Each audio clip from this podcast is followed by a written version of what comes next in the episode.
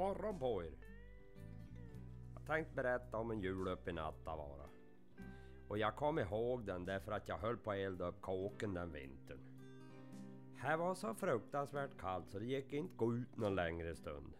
Och det var ju en plåga för en sån som lille Sigge. För han behövde ju som leka av sig under dagen.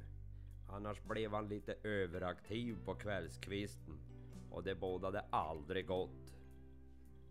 Jag tjatade på morsan hela förmiddagen om att jag skulle få gå ut och leka.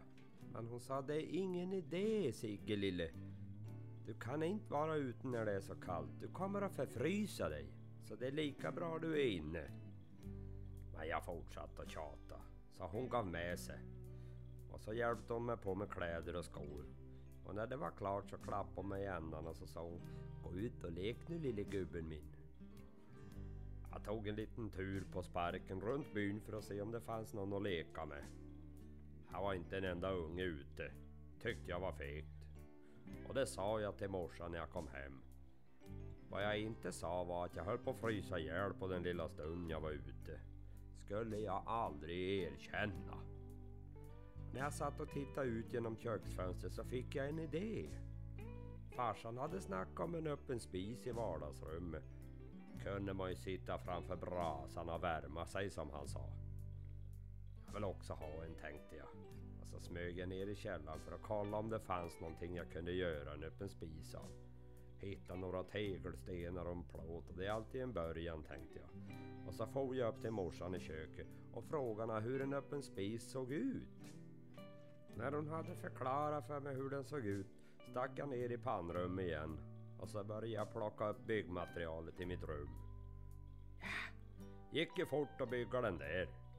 Var ju bara att stapla upp lite tegelstenar och så plåten ovanpå. Så var det klart. Vad gör du Sigge? Frågade morsan när hon hörde mig springa upp och ner i källartrappen. Jag löptränar, ljög jag för att inte bli avslöjad. När farsan kom hem så var det dags för den stora överraskningen. Så jag tände upp en riktig brasa i mitt rum. Och när vi satt vid matbordet så tyckte farsan det luktade brandrök. Och så stirrade han på mig. Och så frågade han om jag hade något med det att göra. Jodå, svarade jag stolt. Jag har byggt en öppen spis i mitt rum. Och i samma ögonblick som jag sa det så var farsan uppe på rummet mitt med brandsläckaren i högsta hugg. Och det var nog tur det. För jävla vad det brann. Jag hade glömt att det måste finnas en skorsten som kan leda ut både eld och rök.